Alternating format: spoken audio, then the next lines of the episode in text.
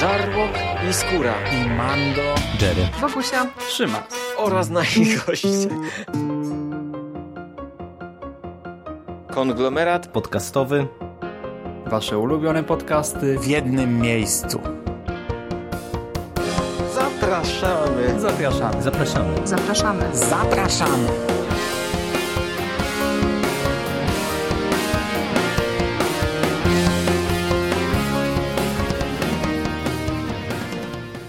Witam w kolejnym odcinku konglomeratu podcastowego oraz kolejnym odcinku z serii Pierwsze Wrażenia.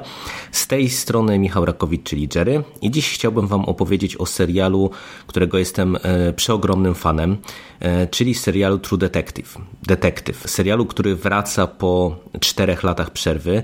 E, serialu, który po pierwszym fenomenalnym sezonie, w którym ja się absolutnie zakochałem i zresztą nie tylko ja, doczekał się szybkiej E, kontynuacji, e, która w mojej ocenie była dobrą kontynuacją. Bardzo dobrym sezonem z ciekawą fabułą, ze świetną realizacją, ale sezonem, który na tyle odstawał klimatem e, i pomysłem na siebie od tego, co dostaliśmy w pierwszej serii, że ludzie, którzy w mojej ocenie w bardzo nieuzasadniony sposób zbudowali swoje oczekiwania e, co do drugiego sezonu właśnie na, na bazie tego, że dostaniemy to samo co w pierwszym, mimo że Nick Pizzolatto, czyli scenarzysta, twórca True Detective'a od początku mówił, że e, no on ma pomysł na tak naprawdę serial antologię z odrębnymi historiami, z różnymi e, opowieściami mm, i e, to spowodowało, że ten drugi sezon był przez wielu objechany totalnie, spotkał się z dużą dozą krytyki i serial, który no miał być kontynuowany właśnie jako taka antologia, tak naprawdę zapadł w sen, zapadł w hibernacji. W momencie, kiedy ja już myślałem, że ten serial ostatecznie został pogrzebany. E, nic tego nizowego okazało się, że HBO planuje trzeci sezon z mm, oryginalnym showrunnerem, czyli właśnie z Nickiem Pizzolatto e, za sterami, jeżeli chodzi o scenariusz. No i jesteśmy po pierwszych dwóch odcinkach nowej odsłony Detektywa. Ja wam powiem, że ja się zastanawiałem, czy jest sens w ogóle robić pierwsze wrażenia e, o tym e, trzecim sezonie, e, ale z racji na to, że w bardzo wielu miejscach ja widzę, że pojawiają się pytania, jak tam, czy ten trzeci sezon jest faktycznie znowu powrotem do korzeni, powrotem do tego, co dostaliśmy w pierwszym sezonie, no bo trailery trochę coś takiego sugerowały i oczywiście też te pytania mają w podtekście, czy jest lepszy niż ten fatalny y, drugi sezon, y, no to po obejrzeniu pierwszego odcinka y, ja stwierdziłem, że jednak krótko opowiem o tym, co tutaj dostaliśmy, jakie są właśnie te moje pierwsze wrażenia, pierwsze odczucia. Ja wam powiem szczerze, że mm, jestem kupiony w 100% tym, co tutaj dostaliśmy.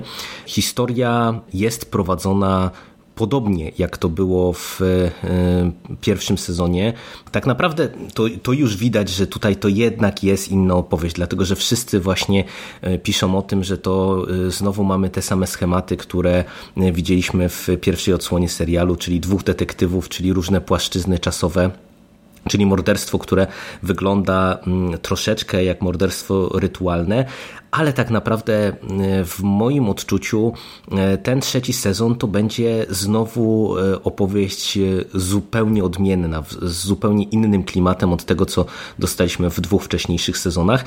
I dla mnie to jest super, naprawdę. Ja oczekiwałem, że właśnie dostaniemy coś innego. Ja, mimo całej mojej miłości i uwielbienia, które wielokrotnie przerywałem w internecie i nie tylko, co do y, pierwszego sezonu, ja nie chcę powtórki, nie chcę odgrzewanego kotleta. Moim zdaniem Pizzolatto jest utalentowanym scenarzystą. Ja w międzyczasie, jaki upłynął od y, y, tego pierwszego sezonu, przeczytałem też jego debiutancką powieść, przeczytałem kilka jego opowiadań i ten gościu naprawdę ma pomysł na tworzenie ciekawych historii i nie chciałbym, żeby się zamykał po prostu na tym, co przyniosło mu spektakularny sukces, tylko żeby szukał czegoś innego. No i tak jak mówię, tutaj wygląda na to, że teoretycznie mamy podobne schematy jak w sezonie pierwszym, natomiast ten pierwszy odcinek sugeruje, że tutaj jednak właśnie ten rdzeń opowieści, to co jest sednem tej historii, tego sezonu, e, to jest jednak e, kwestia zupełnie inna. Co pozwala mi domniemywać, że tak jest. Po pierwsze, właśnie tutaj nie mamy do czynienia z takim klasycznym powrotem do sprawy po latach. Ten pierwszy sezon, patrząc na niego tylko i wyłącznie jakby z punktu widzenia tego pomysłu na prowadzenie całej sprawy kryminalnej, no to właśnie to był taki schemat powrotu po latach, gdzie mamy przesłuchanie jednego z detektywów, wracamy do sprawy, która była teoretycznie mm, w pewien sposób y, porzucona czy, czy zakończona w niewyjaśniony sposób e, i tak naprawdę dochodziliśmy do e, pewnej konkluzji. E, oczywiście tak naprawdę pod wieloma względami sam ten wątek kryminalny tam był tylko właśnie pretekstem dla tony mistycyzmu, dla tony weirdu, który się tam wylewał z ekranu, dla opowieści o tym południu, które było portretowane naprawdę jako y, miejsce y, niesamowite, ale niesamowite, wiecie, nie w sensie niesamowicie piękne, tylko niesamowite w sensie po prostu takim e, przerażającym, budzącym niepokój. E, no i tutaj e, teoretycznie właśnie mamy e, podobny schemat, ale dodanie tego jednego planu czasowego powoduje, że zmienia się nam optyka. Wiecie, my śledzimy tak naprawdę postać detektywa granego przez Marszala Ali, który ma trudne zadanie, bo portretuje nam tę samą postać na przestrzeni 25 czy 30 lat. I śledzimy go e, po pierwsze e, w retrospekcjach w latach 80., kiedy to dochodzi do e, morderstwa, zaginięcia dwójki małoletnich dzieci, którzy wyjeżdżają z domu w małym miasteczku Ozark bodajże i znikają.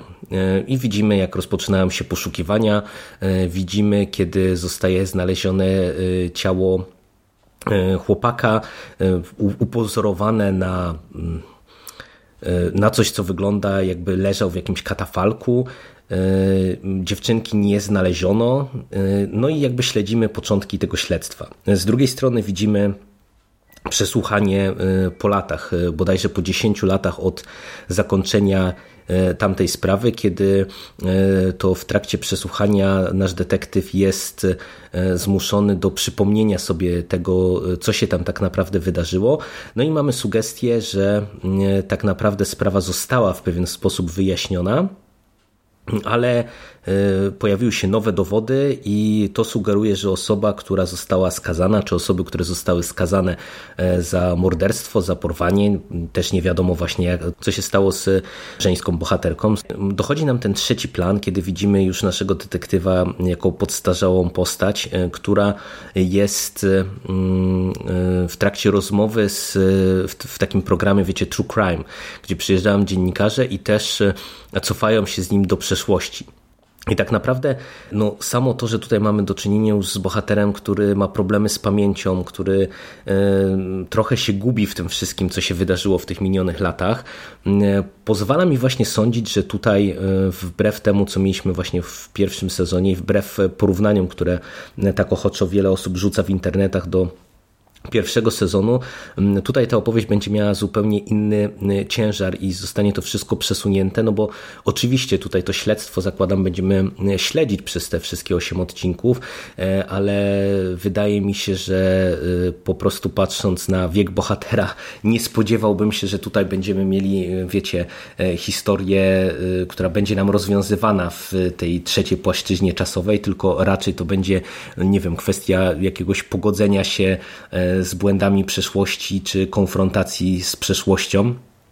Tym bardziej, że w mojej ocenie nie bez powodu y, mamy tutaj wprowadzony wątek y, no, zależy z której perspektywy czasowej, e, ale e, przyszłej, e, aktualnej albo byłej żony właśnie naszego głównego bohatera, która napisała książkę o całej tej zbrodni, bo widzimy, że w, tej trzeciej, w tym trzecim planie czasowym ona już jest nieobecna, nie żyje najprawdopodobniej, ale też nie wiemy dokładnie, co się z nią stało. Wiecie, wydaje mi się, że ten wątek właśnie konfrontacji z wydarzeniami z przeszłości to będzie coś, co będzie nam tutaj napędzało akcję. E, pod kątem klimatu, e, również wbrew temu, co e, czytać można w internetach, w mojej ocenie całość jest nieco inna. Jednak ton pierwszego sezonu bardzo mocno był nadawany przez charyzmę postaci granej przez Matthew McConaughey, czyli przez Rasta Cola te wszystkie jego monologi o nihilizmie, to jego podejście do świata, to narzucało ton tej opowieści i to było też takim motorem napędowym i tworzyło niesamowity klimat. Tutaj postać e, grana przez e, Marshall Ali e, to jest też nietuzinkowy bohater. To jest tropiciel, czyli człowiek od zadań specjalnych, który w Wietnamie poruszał się samodzielnie za liniami wroga. Widzimy, że on z jednej strony wykorzystuje te swoje umiejętności obecnie w pracy policji, ale z drugiej strony, widząc wiele okrucieństwa właśnie w przeszłości, nie ma też złudzeń co do tego świata, ale też to jest postać zupełnie inaczej pisana i skonstruowana właśnie od Rasta Cole. Tutaj, mimo takich pewnych skojarzeń, które możemy tutaj mieć, bo jeden z tych detektywów grany przez z kolei Stevena Dorfa, e, nie wiem w ogóle, to jest też ciekawe posunięcie, tak jak wszyscy się dziwili na etapie drugiego sezonu, że sięgnięto po Vince'a Vona i e, chociażby Colina Farela, którzy się nie kojarzyli z e, takim bardziej poważnym dramatem kryminalnym, no to też Steven Dorf to też jest gość, którego ja raczej kojarzę z e, filmami z tej niższej półki. I on może trochę e, budzić swoje skojarzenia z postacią e, graną w pierwszym sezonie przez Udego Harrisona, ale nie, to też jest inna postać i, nadaje inny ton tej opowieści. E, co więcej, jest inny klimat. Reżyserem tego pierwszego odcinka, czy tych pierwszych dwóch odcinków jest Jeremy Saulnier, czyli autor no, paru głośnych filmów w ostatnich latach.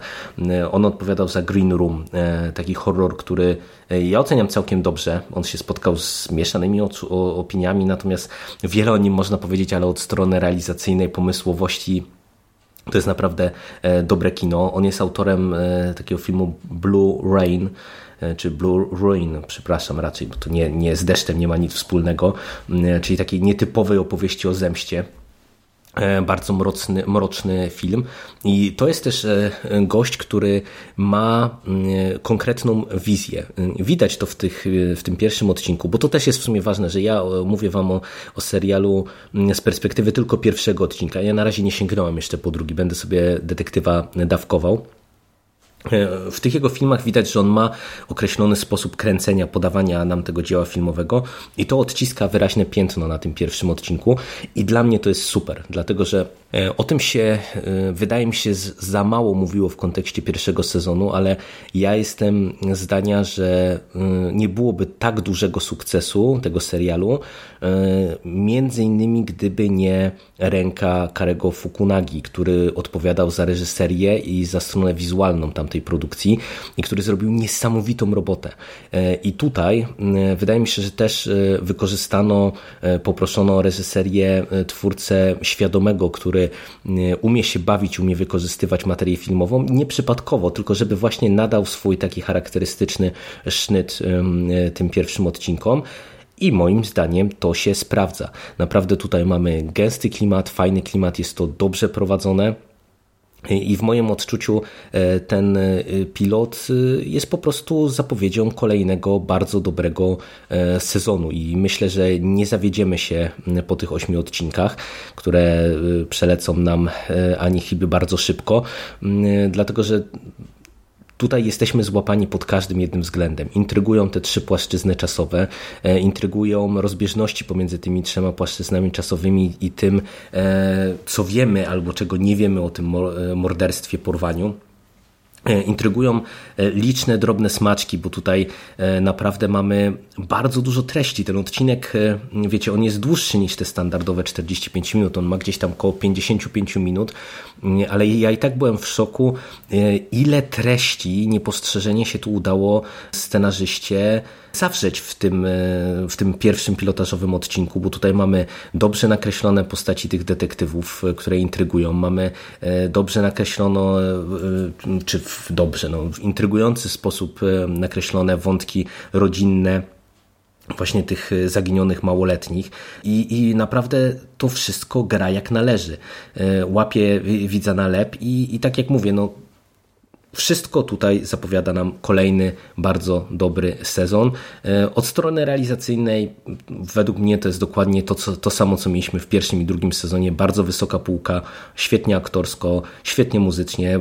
Za muzykę odpowiada ponownie T-Bone Barnett, także możemy się spodziewać znowu tego takiego folku amerykańskiego, jakiegoś country, e, jakiegoś mrocznego bluesa i to słychać już w tym pierwszym odcinku, to też jest super. Ja czekam i chcę więcej i mam nadzieję, że ten e, sezon chwyci. Mam nadzieję, podkreślę to jeszcze teraz bardzo mocno, że będzie inny od pierwszego i na pewno będzie inny od drugiego. E, tak na sam koniec, jeżeli odsądzacie drugi od trzeciej wiary, to polecam do niego wrócić, bo to też jest zabawne zjawisko, że teraz przy okazji trzeciej odsłony nagle się okazuje, że ten drugi sezon jest przez wielu doceniony i nagle się okazuje, że e, kiedy się już człowiek oderwie od tych swoich oczekiwań, które wielu miało, e, tak jak powtórzę jeszcze teraz kompletnie bezpodstawnych i nieuzasadnionych, że będziemy mieli powtórkę z rozrywki, to jednak ten drugi sezon też jest dobry. E, no i mam nadzieję, że właśnie też trzeci będzie taki sam. Ode mnie na dzisiaj to wszystko. Dzięki i do usłyszenia. Cześć.